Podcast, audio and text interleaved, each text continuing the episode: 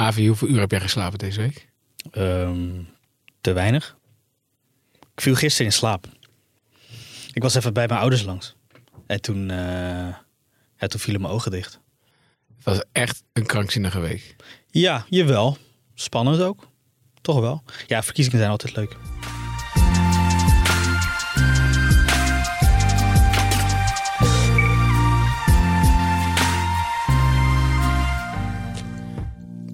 Jongens, laten we beginnen. Want uh, dit is uh, de week van nu. Dus ik weet niet welke aflevering. Voor mij zijn we nu aflevering 11 aanbeland. Dit is de ja, wekelijkse podcast van nu.nl. Waarin ik, Gertjaap Hoekman, hoofdredacteur van nu.nl, het nieuws doorneem. Met op dat moment mijn drie favoriete collega's. En uh, het doel van deze podcast is eigenlijk om jullie ook een kijkje achter de schermen te geven. Dus de dingen die wij bespreken elke week, uh, of elke dag eigenlijk op de redactie. Om daar een beetje. Ja, het is een soort kleine openbare redactievergadering. Zo zou je het uh, denk ik wel kunnen zien. Licht onvoorbereid, maar desalniettemin doen wij ons best om er weer iets moois van te maken. En deze week is er echt ja, waanzinnig veel gebeurd. En daar wil ik het graag over hebben. Jullie hoorden net al Avinas Biki, dus onze politiek verslaggever. Nou, met Avi gaan we natuurlijk hebben over de, over de, over de verkiezingen. Dat gaan we ook doen met uh, Lindsay Mossing, die tegenover Avi zit. Uh, Lindsay is chef algemeen. Hallo Lindsay. Hallo. Met jou gaan we het hebben ook over de verkiezingen en wat er al gebeurd. Maar ik wil het toch ook een beetje hebben uh, over, over Utrecht. De, de aanslag, ook al was jij nog vrij. Ja, ik stond de auto uit te pakken. Jij stond de auto uit te pakken. Nou, ik ben benieuwd uh, hoe, hoe je dat ervaart. Maar sowieso wel een beetje de dynamiek uh, van breaking news op een redactie. En wat gebeurt er dan uh, allemaal? En tegenover jou zit dan weer Rutger. En Rutger is van onze tech-redactie. En Rutger, jij hebt gekeken naar met name ja, de social media kant van zo'n verhaal. Hè? Ja, klopt helemaal. Wat is er gebeurd op die dag op social media? Ja, dus wat gaat er los en wat is de zin en de onzin en hoe, uh, nou ja, hoe, hoe, ga je daar dan weer om? Daar gaan we een mooi gesprek over voeren, uh, hoop ik. mochten jullie daar vragen over hebben, overigens, naar aanleiding van, van die gesprekken, dan kunnen jullie die altijd stellen. Podcast.nu.nl. Um, en dan behandelen we die weer gewoon zoals ge gebruikelijk in deze, in deze podcast. We gaan eerst even kijken naar wat er nog meer in het nieuws was deze week. Dat was wel een beetje zoeken overigens. Wat het nieuws voor ons was. Werd ook wel echt gedomineerd door Utrecht en de verkiezingen. Maar um, er ging ook een winkel uh, failliet. Of weer een winkel. Weer een kledingwinkel. Ditmaal was het Coolcat. Uh, moest uh, faillissement aanvragen. Het concern dat zich richt op kleding voor kinderen en tieners. Die zegt last hebben gehad van de zeer warme en lange zomer. Um, en een extreem zachte winter van dit jaar. Dus dat betekent dan dat mensen minder kleding hoeven te kopen, denk ik. Ja, ja, als het warm is, dan heb je minder kleding nodig. Heb jij, heb jij wel eens iets gekocht bij de koelkast? Vroeger wel, ja. Volgens mij wel. Ja. ja. Ik, er komt wel een punt in je leven dat je in de koelkast staat en dat je weet dat je te oud bent. Dat je veel te harde muziek ook in die winkel altijd. Heb je dat wel? Heb je het al meegemaakt? Maar jij komt daar nog. Nou, niet meer, nee. Oké, okay, nou. maar er werd, her, er werd weinig kleding uit de herfstcollectie verkocht. Nou, en uh, ook in de winter vielen de verkopers tegen. Het jeugdjournaal die ging uh, naar de, recht naar de doelgroepen, dus naar de kinderen, om te vragen hoe zij eigenlijk denken over dit faillissement. Ik vind het wel jammer, want het is wel een leuke winkel. Het maakt me niet heel veel uit, want ik, uh, ik kom er zelf natuurlijk nooit. Het is niet omdat ik de kleren niet mooi vind, maar ik zit gewoon bij, ik koop mijn kleren bij andere winkels. Ik, ik was wel een beetje verbaasd, maar ik dacht dat het altijd zo goed ging. Maar nu zijn ze ineens failliet. Ja, ik snap het ook wel een beetje. Want ik zie, um, als ik hier ben, dan zie ik soms niet zo heel veel mensen hier komen. Ja, geen week gaat er voorbij, of we hebben het hier ook al over de brexit. Um, Groot-Brittannië heeft uh, geen deal kunnen sluiten, uh, ook deze week niet. De EU, uh, eigenlijk gaat het nu een beetje over het uitstel. Hè, want op dit moment is nog steeds, Lindsay, 29 maart de deadline. Hè, dat is volgende week vrijdag. Ja, klopt. Um, dan zou eigenlijk de brexit uh, moeten ingaan. Nou, uh, nu wordt er gesproken over uitstel. Daar is de EU op zich wel welwillend. Uh, ze hebben gezegd, we willen best uitstel geven aan de Britten. Britse lagerhuis moet dan wel volgende week akkoord gaan met het terugtredingsakkoord. Als dat gebeurt, volgt er uitstel tot 22 mei. Als dat niet gebeurt, is er volgens mij uitstel tot 12 april. Ja, juist. En die 22 mei is juist ook precies voor de Europese verkiezingen. Want dat is belangrijk dat ze daarvoor eruit zijn. MPs have been unable to agree on a way to implement the UK's withdrawal. As a result, we will now not leave on time with the deal on the 29th of March. This delay is a matter of great personal regret for me. And of this I am absolutely sure. You, the public, have had enough. Ja, we hadden het vanmorgen in Dit Wordt Het Nieuws podcast ook al even over, uh, over, de, over de brexit, uh, Lindsay. Volgens mij is niet, niet de, de de verwachting is niet dat er nu ineens wel akkoord uh, wordt gesloten, toch? Nee, denk ik niet. Nee. Dus ik denk dat we naar april gaan. Dan. 12 april is nu ja. een nieuwe belangrijke ja. datum om, um, in de gaten te houden. Ja. Maandagochtend werd er gestaakt in het OV. Treinen en veel bussen die reden pas weer om zes over zeven. Eh, ze hebben een staking van ongeveer 66 minuten volgens mij gedaan. Omroep West die ging vanwege die staking vroeg in de ochtend al langs bij de mensen van HTM. We hebben van de week hebben we posters opgehangen waar eh, je verwachte pensioenleeftijd op stond. De jonge jongens die bij ons hier twee, drie jaar nou pas in dienst zijn. Ja, die schrokken enorm van dat ze gewoon pas met de tachtigste met pensioen kunnen. Als je het werk doet eh, wat, wat de mensen hier bij HTM doen, en al, in het algemeen in het openbaar vervoer, eh, eh, dan ben je met 66 ben je zo ver over je eh, einddatum heen dat je niet meer op een verantwoorde manier eh, kunt blijven rondrijden. Nou, dan was er nog goed eh, voetbalnieuws. Want eh, eh, gisteravond of donderdagavond moet ik eigenlijk zeggen... is Oranje eh, de kwalificatiestrijd voor het EK 2020 eh, begonnen. En nogal succesvol. Want eh, bondscoach, het team van bondscoach Ronald Koeman is in de Kuip met 4-0 waren ze te sterk voor Wit-Rusland. En het eerste doelpunt viel al vrij snel. Terugspelbal kan onderschept worden. Eerste kans voor Nederland en de goal van Memphis. Ja! Binnen de vierde paal. Wat een fout daar achterin bij de Wit-Russen die zo goed kunnen verdedigen in de eerste minuut van de wedstrijd. Zo, wat een tune, joh. Ja, ik schrok er ook een beetje dat van. Een fragment van NPO Radio 1, maar dat is, eh, is, is, is, is het commentaar altijd met een beat eronder. Zouden ze misschien vaker moeten doen. Nou ja, op zich wel leuk. Maar het werd uiteindelijk 4-0. Zondag eh, eh, speelt Oranje tegen Duitsland. Daar ben ik bij, joh. Ik wist serieus, ik was net heel eerlijk, ik dacht dat het een oefenwedstrijd was, maar het blijkt gewoon kwalificatie. Ik, zoveel, eh, zo goed volg ik Oranje. Slechts kwalificatie tegen Duitsland. Ik heb er zin in. Ehm, ja, laten we teruggaan naar, het, naar, het, naar eigenlijk wat ik in het begin al zei. Het belangrijkste nieuws. eh, eh, eigenlijk twee belangrijkste nieuws uh, gebeurtenissen deze week. De verkiezingen. Maar toch even te beginnen met ehm, de, de aanslag in Utrecht. Lindsay, jij gaf al aan. Jij stond je auto uit te pakken. Dus je hebt eigenlijk... ehm, Ja, ik heb die maandag niet meegemaakt. Hoewel, ik heb het natuurlijk wel meegemaakt. Want ik eh, eh, krijg verschillende pushes eh, van verschillende media. En daardoor werd ik erdoor gealarmeerd. Maar ik stond de auto uit te pakken voor Windsport. Van Ja. Windsport. en jij was op de redactie, Avi, toch? Ja, ik, ik moest een, een Instagram-video opnemen over de verkiezingen notabene. Dus ik was niet in Den Haag, maar ik was hier. En terwijl ik aan het opnemen was, kreeg ik dus die pushes binnen. Ja. Ja. Rutger, wat was jij aan het doen? Eh, nou, ik was eh, s s'morgens thuis in Utrecht. Mm. En ik moest dus nog eh, hierheen komen om gewoon te werken. Ja. Ehm, en toen ik op het station aankwam, werd eigenlijk gezegd: blijf thuis. Hm. dus ik zat daar middenin, ja. Oké, ja. Ben je toen thuis gebleven of ben je hierheen gegaan? Nou, ik stond al op het station, dus ik dacht: nu kan ik net zo goed de trein pakken. Waarom ben je eigenlijk niet naar de tram gegaan? Ja, ik kom daar niet. Ja, of je hebt het niet gevraagd. Nee, het is misschien wel interessant eh, om, om, om mensen ook een beetje een kijkje te geven. Hoe werkt, hoe werkt nou zoiets op een redactie? Ik was zelf ook ergens op een afspraak. En wij maken gebruik van een eh, eh, systeem dat heet Data Miner. Dat is eigenlijk een, volgens mij is het een Brits bedrijf toch, eh eh, eh, Lindsay? Ja, Die, klopt. die scannen zeg maar Twitter. En eh, als er dan eh, ja, daar tweets eh, eh, eh, eh, ja, e- extreem losgaan, dan, dan krijgen we daar een melding van. En dat was Mhm. nu, ook, nu ook het geval. Ja. Ja, wij, eh, ehm, de eerste activiteit die wij signaleerden op Twitter was echt even na elf. En dat was, ik weet niet of jij die tweet ook hebt gezien, Rutger. Maar het was een tweet van een passagier in een andere tram. Ehm, en in die tram zei de bestuurder van die tram dat eh, ze niet verder konden rijden vanwege een schietpartij elders op het traject. En dat is het eerste wat Dataminer had gesignaleerd. Ja. Ja. En op dat moment gaat dan bij ons een beetje de radar eh, draaien. Ja, hoe, hoe groot is dit? Hè? Want het eerste wat je te horen krijgt is een schietpartij met meerdere gewonden. Maar je weet niet wat dat is, meerdere gewonden. Hè? Zijn het er twee, drie, vier, vijf? Dus dat is Hmm. meteen, eh, eh, eh, is iedereen hier wel in de opperste staat Ja. van, van paraatheid. Nou ja, en ik moet zeggen dat wij niet, eh, wij sprongen niet in eerste instantie al, eh, eh, jij- al op. Jij had daar wat kritiek op. Ja, ik had daar wel wat kritiek op. Ja, Ehm, eh, maar het was, en ik begrijp het op zich ook wel hoor, dat we niet in eerste instantie opsprongen, omdat door de combinatie Kanaleneiland en een schietincident eh, je het misschien ook aan het criminele circuit zou kunnen linken.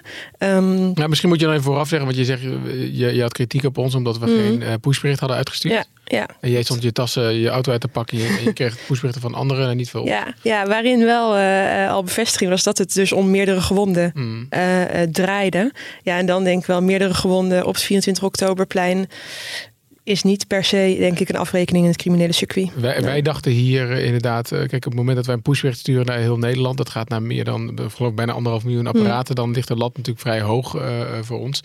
Dus wij dachten op dat moment, ja, de, de- het gebeurt wel vaker dat er een schietpartij is, ook in Utrecht. Maar ook afgelopen zaterdag was nog op klaarlichte dag in Amstelveen een vrij brute schietpartij. En dus het, het is dan het begin een beetje eh, zoeken. We kunnen wel tegenwoordig ehm, eh, breaking news sturen naar regio's. Dus uiteraard eh, mensen in Utrecht konden we wel, eh, we- hebben natuurlijk wel een, een- een pushbericht gestuurd. Maar voor de rest waren we een beetje aan, het, aan, het, eh, aan het zoeken naar AV. Jij stond er ook wel bij van wat, wat doen we op dat moment? Hè? Gaan we iemand ergens naartoe sturen? Waar, waar naartoe dan? Ja, ja. Wat, is het, eh, wat, is het, wat is het handigst? Ik, denk, ik denk overigens dat het achteraf altijd makkelijker vaststellen is dat Ja, je absoluut, hoe ze ja. moeten sturen. Omdat Ja. er komen vaker natuurlijk berichten binnen dat er doden en gewonden. Hoe tragisch elk verlies natuurlijk ook is. Ja. Maar je had denk ik niet kunnen voorzien dat het ook om een aanslag zou gaan. Dus van Nee. deze grootte. Nee, op En dat deze moment impact zeker is ook niet. de eerste keer. Ja, en wat ik zelf interessant eh, punt is waar ik het eigenlijk wel over zou willen hebben. Want op zich, ehm, dit soort gebeurtenissen, hoe, hoe tragisch ook, is al wel. ik bedoel, wij hebben hier veel ervaring mee, hè, eh, eh, met, met aanslagen en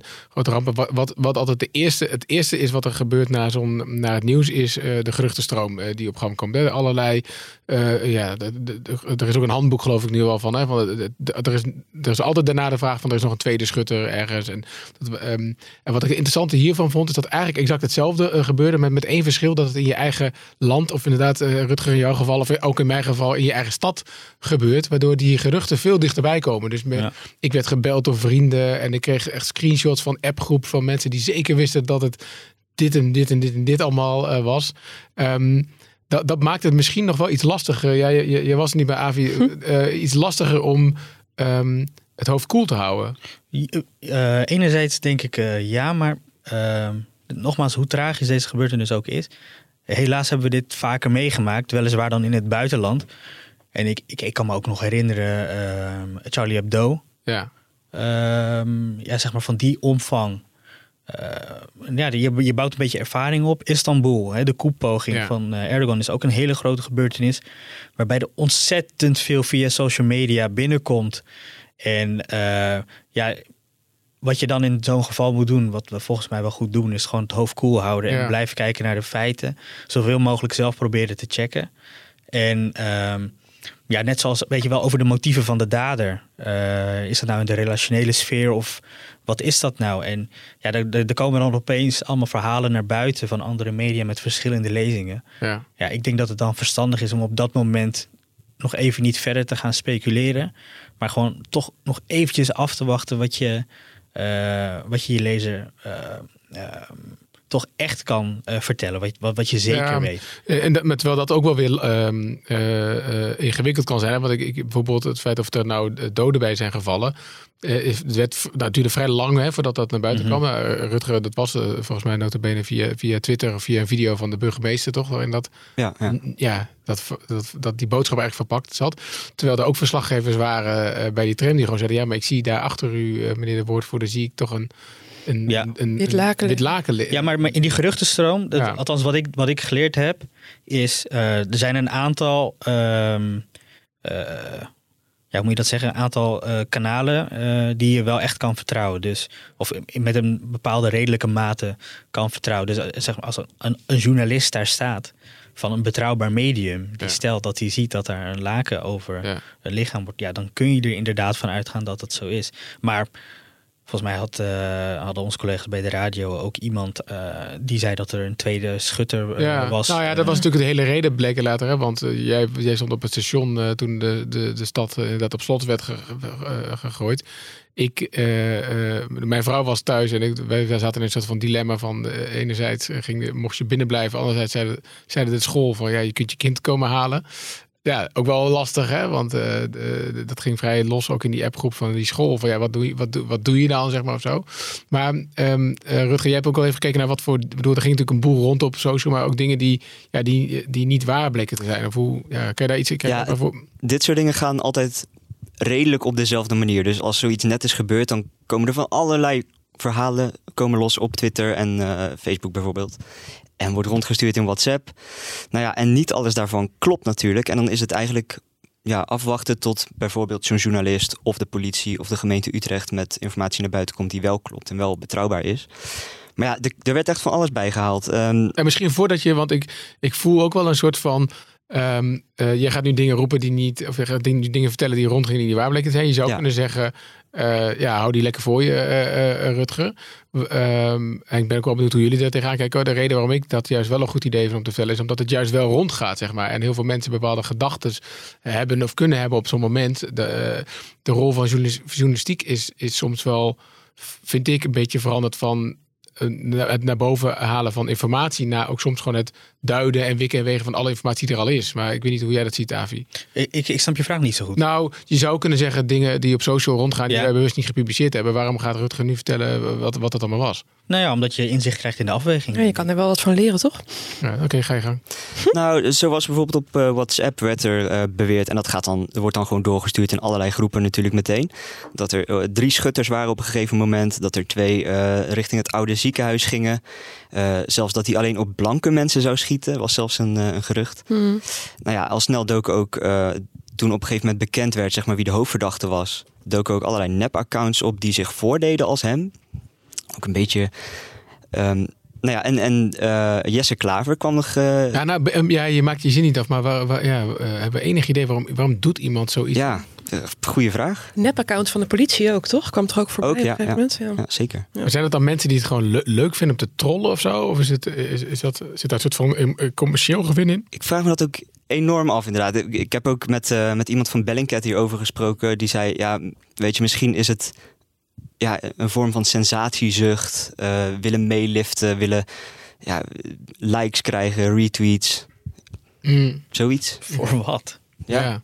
voor Ja. het verspreiden Nou ja, van onzin. ja. Wat triest. Dat je onderdeel zijn van of zo. Dat is, eh, Oké, Ja, een bijdrage leveren, hoewel die niet klopt, is Ja. het, denk ik, ja. Geen idee. Over Jesse Klaver. Er, er was op Twitter een, een, eh, een nep-account van Jesse Klaver aangemaakt. Of die bestond al een tijdje, kan ook. Hij bestaat in elk geval nu niet meer. Eh, daarin plaatst hij een tweet. Schandalig. Waarom heeft de mogelijke verdachte geen balkje voor de ogen? Dat was toen die foto van de verdachte werd Ja. gedeeld. En staat zijn achternaam en afkomst erbij. Dat is stigmatiserend en moeten we niet willen. GroenLinks gaat kamervragen stellen. Racisme van de politie. Etnisch profileren mag niet. Nou, dat ging als een lopend vuurtje. Op eh, Facebook werd het volgens mij 600 keer gedeeld ook al. Oké. Nou ja, bij, bij, eh, op Facebookpagina's met tienduizenden volgers. Nou ja, en dan krijg je een soort sneeuwbaleffect. Dan gaat het ineens heel hard. Ja, ja. En, en ehm, ehm, ehm, ja, misschien even over die foto trouwens. Dat is nog wel interessant, eh, Lindsay. Wij, wij, ik weet niet of dat in deze podcast al eens aan bod is gekomen, maar zeker wel in andere zijn redelijk terughoudend altijd als het gaat om foto's eh, en namen van verdachten. Waarom, Ja. waar, in dit geval hebben, hebben we een Volledige tijdje naam genoemd. wel gedaan. Waarom Ja. hebben we dat gedaan? Nou ja, dat doen we. We, we besluiten daartoe op het moment dat de verdachte aan is, zeg maar. Eh, dus gezocht wordt. En op het moment dat het echt eh, in het maatschappelijk belang is dat deze man gepakt wordt en eh, de maatschappij enigszins in gevaar is, dan ehm, noemen wij de hele naam. Ja, op het moment dat hij gepakt is, anonimiseren we wel weer ook zeg maar, berichten, alle eerste berichten die we op dat moment gepubliceerd hebben. Ja. Doet de politie trouwens ook niet zomaar. Hè? Want ze hebben ook Nee. inderdaad benadrukt van deze man is inderdaad nog op de vlucht, moet Ja. gezocht worden. Ja. Eh, als je hem ziet, bel ons. Ja. Eh, ga er niet op af. Ja. En is politie doet inmiddels ook weer weg. hè? Politie doet hetzelfde ook. Die ook met oude berichten en zo. Die halen dan vervolgens ook weer de, ehm, maar de achternaam weg. En het balkje komt terug eh, op de foto. Ja. Eh, even over de politie inderdaad. eh, Rutger, viel, viel daarin niet nog iets op? Een rol die zij speelde? Eh, nou ja, zij waren dus inderdaad heel informerend. Hè? Die ze hielden iedereen op de hoogte. In de buurt ook. Ze, ze riepen op, kom hier niet heen. Wij doen onderzoek. Laat ons alsjeblieft met rust. Ehm, maar ja, op een gegeven moment riepen ze bijvoorbeeld ook op... om eh, wel foto's te delen. Bijvoorbeeld die, die mensen in, eh, in de buurt hebben gemaakt. Of video's. Eh, Te delen met de politie. met de politie. Ja, ja. ze hadden een speciale webpagina openstaan met een tooltje. Daar kon je dan eh, al je bestanden uploaden. Nou ja, en dat kan dan eh, helpen bij de opsporing bijvoorbeeld. Ja, ja. Ja, en, en, ehm, eh, en de, de burgemeester die, die, die, die plaatste zelf heel veel, eh, eh, veel video's ook. Hè? Die liet zich interviewen. De mij is verteld dat er een soort nieuwsredactie is, geloof ik, op het gemeentehuis van de, dat weet jij niet, maar Nee, weet ik niet. nee, van, de, van de burgemeester zelf, dat, daar gewoon, dat hij zijn eigen redactietje heeft. Ja, wat, wat vinden we daar eigenlijk van? Ja, weet ik niet. Of, ze- dit is ook nog wel interessant. Want de dag daarna, op dinsdag, ging die ook... Ik weet niet of je dat mee had gekregen. Ging die ook nog wel even de fout in. Ja, eh, eh, van Zaan. En dat maakt dat ook wel weer de, hoe ingewikkeld het eigenlijk blijft. Maar 's ochtends in een eh, interview zei hij dat de twee verdachten naast de hoofdverdachte vrijgelaten eh, eh, zouden zijn. Ehm, en vervolgens, dat hebben wij gemeld op basis van, uh, van Zaan. En de politie ging daar toen overheen om dat te ontkrachten. En melden dat Van Zaan zich had gebaseerd op informatie die niet klopte. Ja. En dan zie je ook weer aan dat dat toch wel uh, lastig is om die hele stroom aan informatie. Oké, bij welke autoriteiten moet je nou zijn voor wat? Ja. En dat blijft toch wel een ingewikkelde op deze manier. Ja. Maar wat, wat doet zo'n nieuwsredactie dan? Nou ja, die, het, is eigenlijk, het zijn voorlichters, maar ze, maar ze maken zelf uh, uh, video's volgens mij en eigen producties. Dus een beetje Ja. zoals. eh, Nee, het, is, een- het is een politieke trend die je in Den Haag ook wel Ja. ziet hoor. Dus de eh, communicatieapparaat bij de Rijksoverheid. Ja, dat, is, dat outnumbert gewoon de eh, aantal journalisten die Ja. daar rondlopen. Dat deed het altijd al, maar dat is nu nog echt. Nou, eh, volgens mij het aantal journalisten, voorlichters, social media, accountbeheerders, videomakers. eh, wat in dienst is bij, eh, bij de Rijksoverheid neemt toe. Volgens mij die van eh, Rutte, daar, daar ging laatst ook weer een, een beetje ophef over. Ja. Over dat hij dus een social media accountbeheerder zocht. Iemand die zijn tweets... Oh ja. eh, eh, Ja. Nou, die krijgt dik Ja, maar het is- Waarom is daar dan ophef over? Nou ja, omdat je, je kunt je afvragen hè, voor het salaris wat diegene daarvoor krijgt. eh, of dat nou echt nodig is. Het is, het is gewoon PR van, eh, van de premier. Nou, het- wat je op ziet. kosten van, eh, van de belastingbetaler. En, maar goed, het is natuurlijk een. een, een, er zit wel een beetje twee kanten aan natuurlijk. Want je hebt ook. Eh, in het geval misschien van de burgemeester, ja, hij probeert, hij wil communiceren, dat probeert hij op een efficiënte manier te doen. Tegelijkertijd, ja, door zulke video's te plaatsen, ge- geef je eh, ons, zeg maar, er, is heel lang geen persconferentie geweest, hè, die dag. Ja. Eh, je geeft journalisten niet de kans om ehm, vragen te stellen. Nou goed, er zijn dan wel woordvoerders van de politie voor, maar ja, je, je zet de journalistiek een beetje buitenspel. Maar aan de andere kant ehm, eh, ben je wel heel erg aan het, aan, het, aan het zenden en het communiceren. Dus het is, ja, in dit geval weet ik, in, in dit geval van Utrecht vond ik het denk ik niet per se slecht of zo. Maar in Den Haag eh, kan ik het me wel voorstellen dat je, als je heel erg je eigen geluid wil gaan eh, eh, vertellen, ja, dan is dat makkelijker te doen via Facebook, via je eigen kanaal, dan, Ja, dan via journalisten. Dat is, dat, is, dat is wel ingewikkeld. Ja, en en het was natuurlijk ook da- daags voor de verkiezingen natuurlijk. Avi, is dat, heeft dat nog een rol gespeeld, de- denk je, die, die, die aanslag in Utrecht? Ehm, ik denk dat het nog te vroeg is om daar echt over te speculeren. Ehm, hè, wat, wat die impact is geweest van die aanslag eh, eh, op de verkiezing. Omdat ja, er moet gewoon gedegen kiezersonderzoek naar worden gedaan met eh, ja, betrouwbare panels. En, zodat je daar Ja. een goed oordeel... de- alles, alles, iedereen die, die zegt van Forum voor Democratie, hè, de grote winnaar van de Ja. verkiezing, zou nog wel eens een steuntje in de rug hebben kunnen, eh, gehad kunnen hebben vanwege de aanslag. Ja, dat is echt speculeren, dat weet je niet. En ehm, je weet ook niet of zo kort op een verkiezing ehm, eh, dat eh, invloed kan hebben. Wat je wel ziet, is eh, dat Forum eh, dus zich niks aantrok van de Haagse Morris.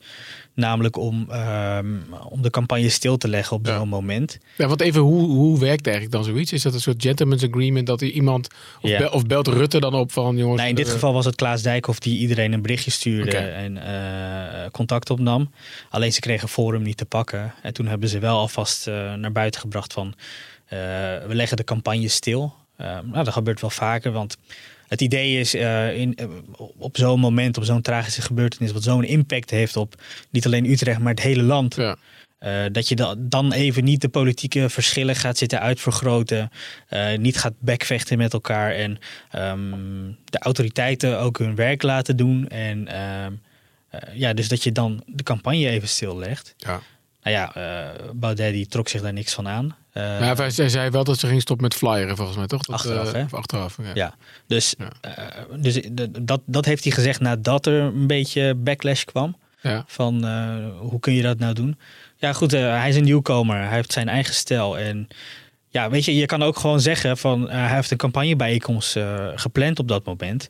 Ehm, eh, met, met aanhangers van hem. Ja, het, het is ook zijn goed recht om gewoon in gesprek te gaan met zijn achterban. Ja. Ja. Nee, zeker. Hey, laten we even naar die, die, die verkiezingsavond gaan. Want eh, eh, ik, hoor- ik, eh, ik, ik- jullie zijn diep de nacht doorgetrokken met, met elkaar. En nog wat meer mensen volgens mij. Ik ben zelf afgehaakt naar de exit polls om half elf of zo geloof ik. Maar ik zag in Slack in het programma waarin we met elkaar communiceren... dat jullie om half vier geloof ik nog een podcast aan het opnemen was. Is het, hoe laat is het geworden, Lindsay?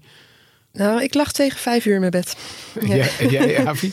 Ik ook, ja. Ik, ik, ik ging iets eerder weg dan, eh dan Lindsay. Lindsay stuurde me naar huis. Want eh, ik moest de volgende ochtend Ja, weer, hij moest eh, weer naar Den Haag, ik niet. Ik moest de volgende ochtend weer naar Den Haag. Ja. Maar ik kan dan nooit zo goed slapen als, ik, eh, als je zo... Nee, ik dus had het ook hoor. Ik vond het Wa- waarom niet dan? Nou, omdat je zo bezig bent met het nieuws. En ehm, je zit in een soort opperste concentratie. En ehm, ja, dat neem je eigenlijk naar huis, eh, mee naar huis. Ja, dus dan moet ik altijd eerst een uurtje ja, gewoon helemaal niks doen. Mm. Ja, en waarom het, eh, waarom het op een gegeven moment ook toch later werd dan we, eh, dan we dachten, was natuurlijk die, eh, het zetelaantal bleef elke keer net onder VVD zitten of gelijk met VVD. En op een gegeven moment ging het zetelaantal van Forum. Ja, ja er klopt. Ja, overheen. NOS, NOS ging eruit om één uur. Ja.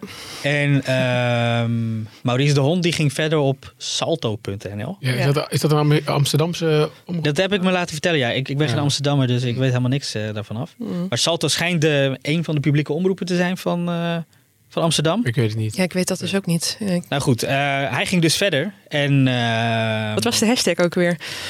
wij zijn er nog. Ja, zoiets hè? Dat was de hashtag. Of Dus- wij en- en- kijken en nog toen- of zo. Oh ja, wij kijken kijken nog. Ja. En toen was Wel hij, mooi eigenlijk. Ja. hij zei toen al van, eh, jongens let op, Forum die gaat de grootste worden. Hm. En toen dacht ik, nou wat gaan we nou krijgen? Want eerlijk is eerlijk, hij had het ook al gepeld. Toch in die zin niet per se de grootste, maar dat ze 12 zetels zijn. Nu zijn ze, komt het, lijkt het uitgekomen op 13. Ja, Maar- dus de exit poll Ja. eh, van Ipsos die week een beetje af van... ja, nee, eh, maar Maurice de Hond zelf had geloof ik wel gepeld 12. 12. ja, ja. Ja. Dus ja, dan, dan blijf je toch hangen, want ja, dan moet je, dan moet je, dan moet je stuk ook weer iets anders. eh, ja. ja, omdat je er eigenlijk vanuit ging dat de VVD de grootste ging worden.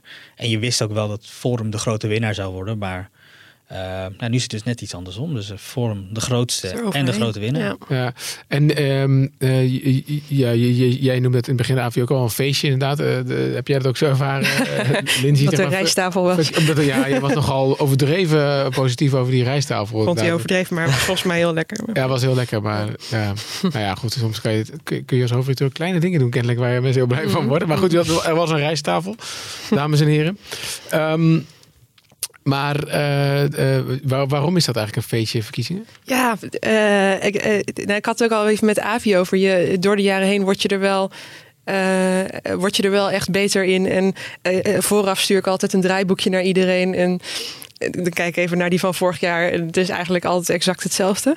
Ehm, maar toch, als je hier dan zit, je, je, weet, je weet toch niet wat de uitkomst is. Nee. Ehm, en met Forum zat het er misschien natuurlijk wel aan te komen. Maar ja, die spanning of zo die je met z'n allen dan voelt s'avonds. En hoe dat dan opbouwt. Ja, dat, is, eh, eh, dat vind ik heel vet. Nou, had jij dit verwacht, Avi? Want er- waren wel peilingen die dit aangaven, maar tegelijkertijd, nou ja. Ja, jij vroeg nog aan mij. Peilingen zijn palingen, wij, toch? Wij, wij zaten nog even te, te brainstormen over Ja. hè, wat zou nou de kop moeten worden Ja. na de exit poll.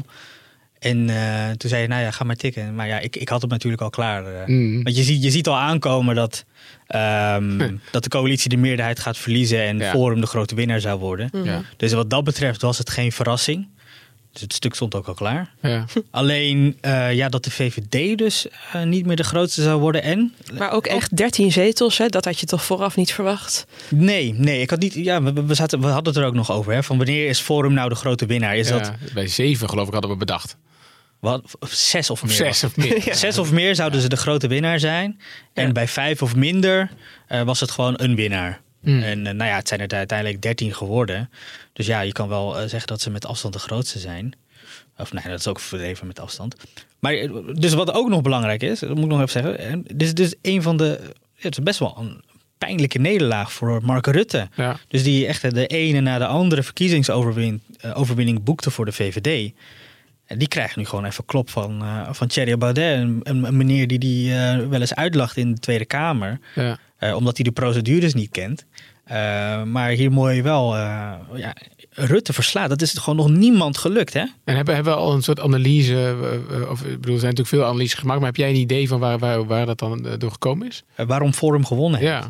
Ja. Daarvan zeggen politicologen ook. Is nog veel te vroeg om eh, over te speculeren. Maar wat je wel al in de cijfers ziet, is ehm, er zijn heel veel van de PVV overgestapt eh, eh, naar, naar Forum. Ehm, nou ja, dat kan er ook mee te maken hebben dat, ja, weet je, Wilders die doet het al zo lang, die heeft altijd hetzelfde verhaal.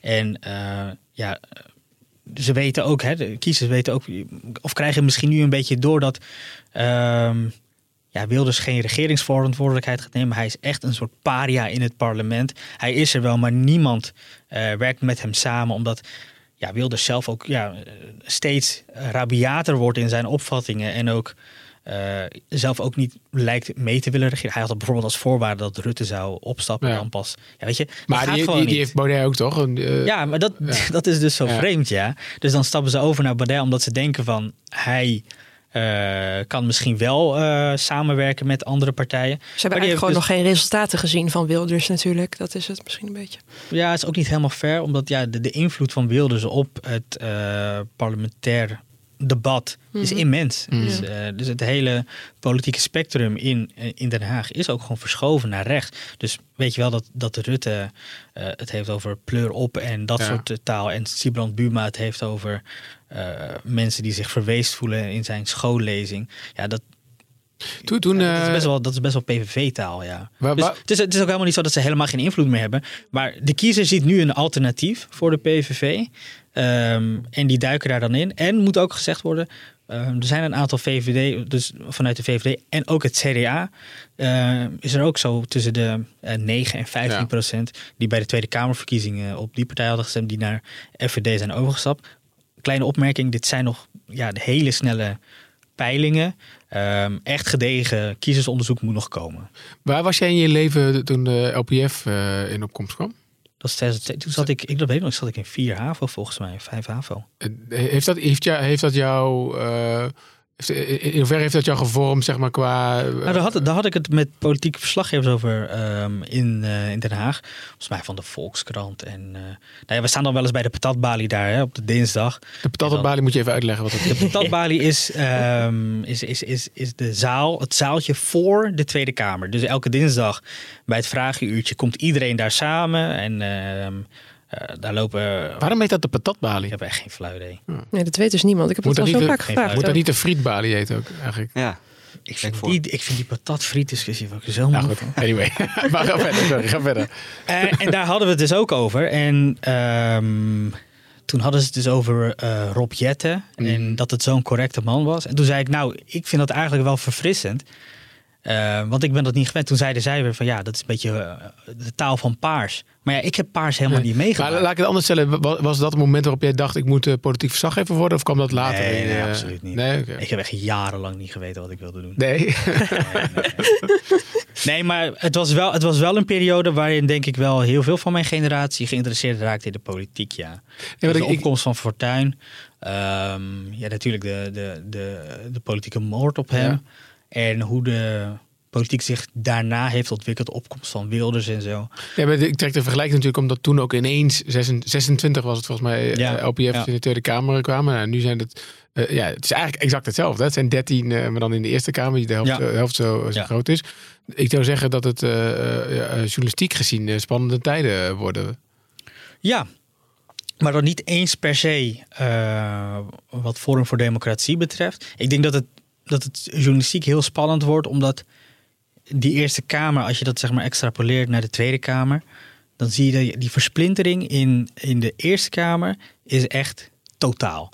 Dus hè, zou je Nederland eh, of, of parlement vergelijken met een vaasje, zoals eh, Rutte wel eens dat- gedaan, ja. Wordt wel eens gedaan. Ja. Ja, dan is dat vaasje natuurlijk helemaal kapot gevallen. Er Ja. zijn echt partijen van 13, 12, 9, 9, Ja. 8, 7. Er zit van alles in. Ja, daar wordt, is- hoeft, hoeft gelukkig niet geformeerd te worden, tenminste niet. eh, niet nee, niet nu nog niet. Maar als je dus al.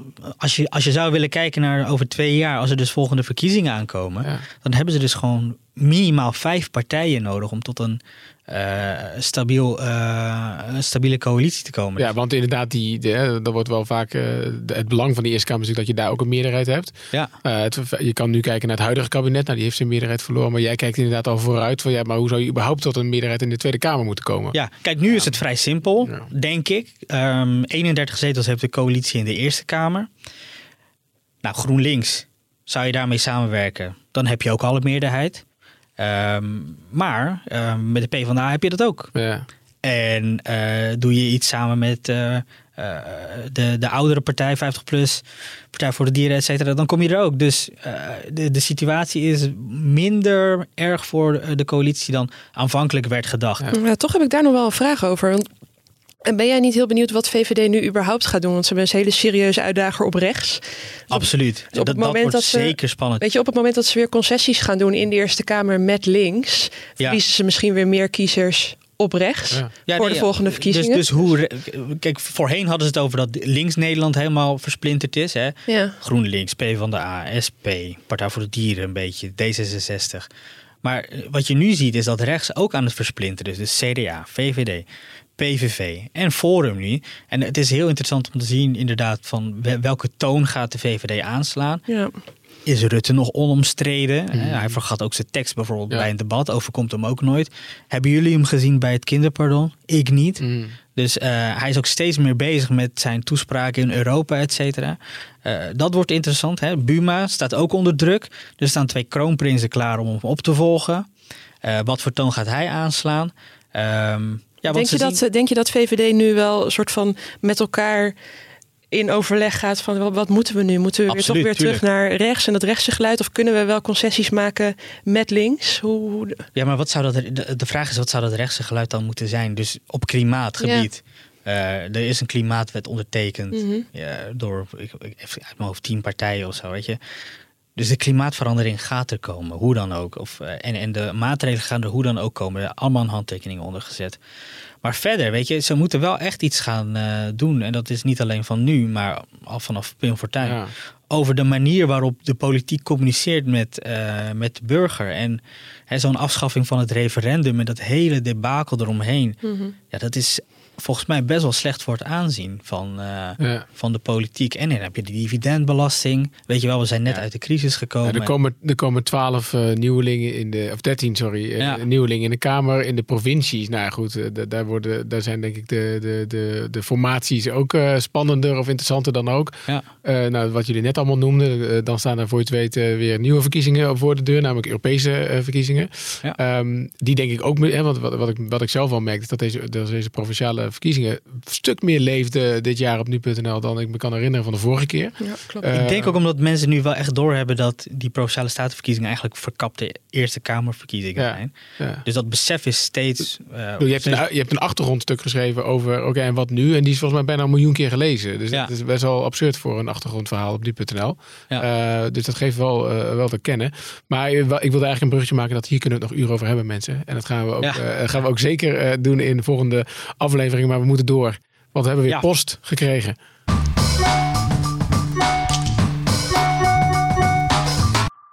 Ja, want de vaste luisteraar die vraagt zich al af. Oké, jullie hebben een fan in Canada.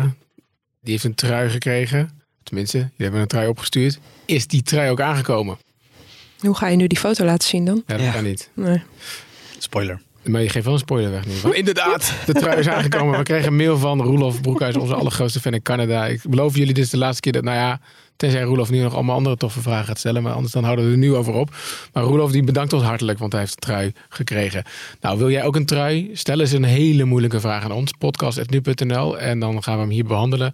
Ehm, eh, sowieso ook als je minder moeilijke vragen hebt. Maar serieus wil weten hoe wij over dingen eh, denken of hoe dingen, bepaalde dingen werken binnen nu.nl. Daar is deze podcast ook voor. Dus eh, ehm, we hebben het vaak over het nieuws van de week. Maar als, als er echt vanuit jullie vragen zijn of dingen die jullie willen weten, dan kunnen we het ook gerust daar over hebben. Dus podcast.nu.nl en dan maak je kans op een hele mooie sweater. Ja, dan gaan we kijken tot slot van deze podcast naar de agenda voor de volgende week. Ehm, dit weekend, eh, eh, eigenlijk zoals ieder weekend eh, zou ik bijna willen zeggen, wordt er in Frankrijk weer geprotesteerd door gele hesjes. En eh, eh, de Franse regering gaat nu eh, eh, speciale eenheden van het leger inzetten om de plunderingen te voorkomen. Dus het wordt daar wel eh, eh, eh, steeds wat, eh, wat, eh, ja, wat, gaat wat harder eraan toe. Dus we, dat, dat vol- zullen we absoluut volgen op nu.nl. eh, eh, dit weekend. Eh, zondag wordt er weer gevoetbald. Ik zei het net al. Ik kwam erachter dat Nederland-Duitsland gewoon een kwalificatiewedstrijd is. En daar ben ik bij. Op de sterfdag van Johan Cruijff overigens. Eh, eh, eh, eh, detail. Maar wel een hele belangrijke wedstrijd. Nederland heeft al een keer gewonnen. Als we nog een keer winnen, nou ja, dan... Goh jongens, we worden langzaam weer een beetje positief. Maar zouden we dan ooit weer een keer naar een eindtoernooi gaan? Je mag het misschien nog niet hopen. Woensdag... ehm, eh, is er in de Amerikaanse Senaat een hoorzitting over de Boeing. Dat eh, gaat eigenlijk over de twee fatale on- ongevallen die er zijn geweest recent met de Boeing 737 MAX. Dus dat is wel een interessante eh, kwestie. Ehm, ik denk dat het ook gaat over in hoeverre die in de Amerikaanse, eh, wat, wat er nou mee moet gebeuren. En Donald Trump schijnt nog wel dik te zijn met de mensen bij Boeing. Dus dat gaan we absoluut volgen. Uh, vrijdag, uh, iets om naar uit te kijken, is de first ever all-female spacewalk, Lindsay. Wist jij dat, er, nee. dat er nog nooit... Uh, dat heb ik me net laten vertellen. Dat we nog nooit vrouwen alleen hebben laten wandelen in, in, in, de ruimte. Dat, Onbegrijpelijk. Ja, vind ik ook eigenlijk best, nee, vind ik serieus best bizar. Hoe we vrouwen hebben ja. ja. Hoorde je? Hoorde je? Wow. maar het is toch bizar? Het is 2019. wie, wie doet dat? Is dat NASA of ESA? ja, het is in de ISS. ISS? Ja, dus in het International Space Center die uh, als je een beetje een gekkie bent zoals ik, uh, elke avond over je huis kan laten vliegen. Ik heb een app die dan een pushbericht stuurt wanneer de ISS over mijn huis gaat. Ja, dat is wel nerdy. Super vet. Ja, telescoop um, staan. Dat heb ik nog niet, maar ik sluit dat niet uit. Um, maar uh, nee, er worden twee vrouwen gaan werkzaamheden uitvoeren buiten de ISS. En dat is serieus nieuws in 2019, dat dat nog nooit eerder gebeurd is. Oh, vet, dat we ze loslaten. Joh. Crazy. Um, het duurt in totaal zeven uur. Ik ga er verder niks over zeggen. Jongen, nee, alle een stokje. Ik vind het waanzinnig. Uh, mag ik jullie allemaal hartstikke bedanken voor, uh, voor deze keer weer. Yes. Avi, Rutger, Lindsay. Ja, bedankt. Um, Lindsay. Ja.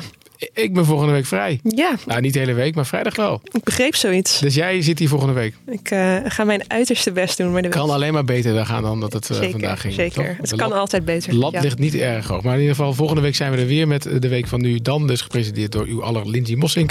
Um, ja, wil je hier nou geen enkele aflevering missen van de week van nu, dan moet je een abonnement nemen op uh, Dit Wordt Het Nieuws podcast. Ga dan naar je favoriete podcast app, zoek Dit Wordt Het Nieuws. Druk even op het knopje abonneren, dan krijg je hem uh, sowieso elke dag, ook om 6 uur, word je wakker gegeten door Carné of Julien met het laatste nieuws. Uh, we praten hier een kwartiertje elke ochtend bij en op vrijdag zit ik er, of in sommige gevallen Lindsay, om de week door te nemen. Dus ik zou zeggen, tot volgende week en een heel erg fijn weekend.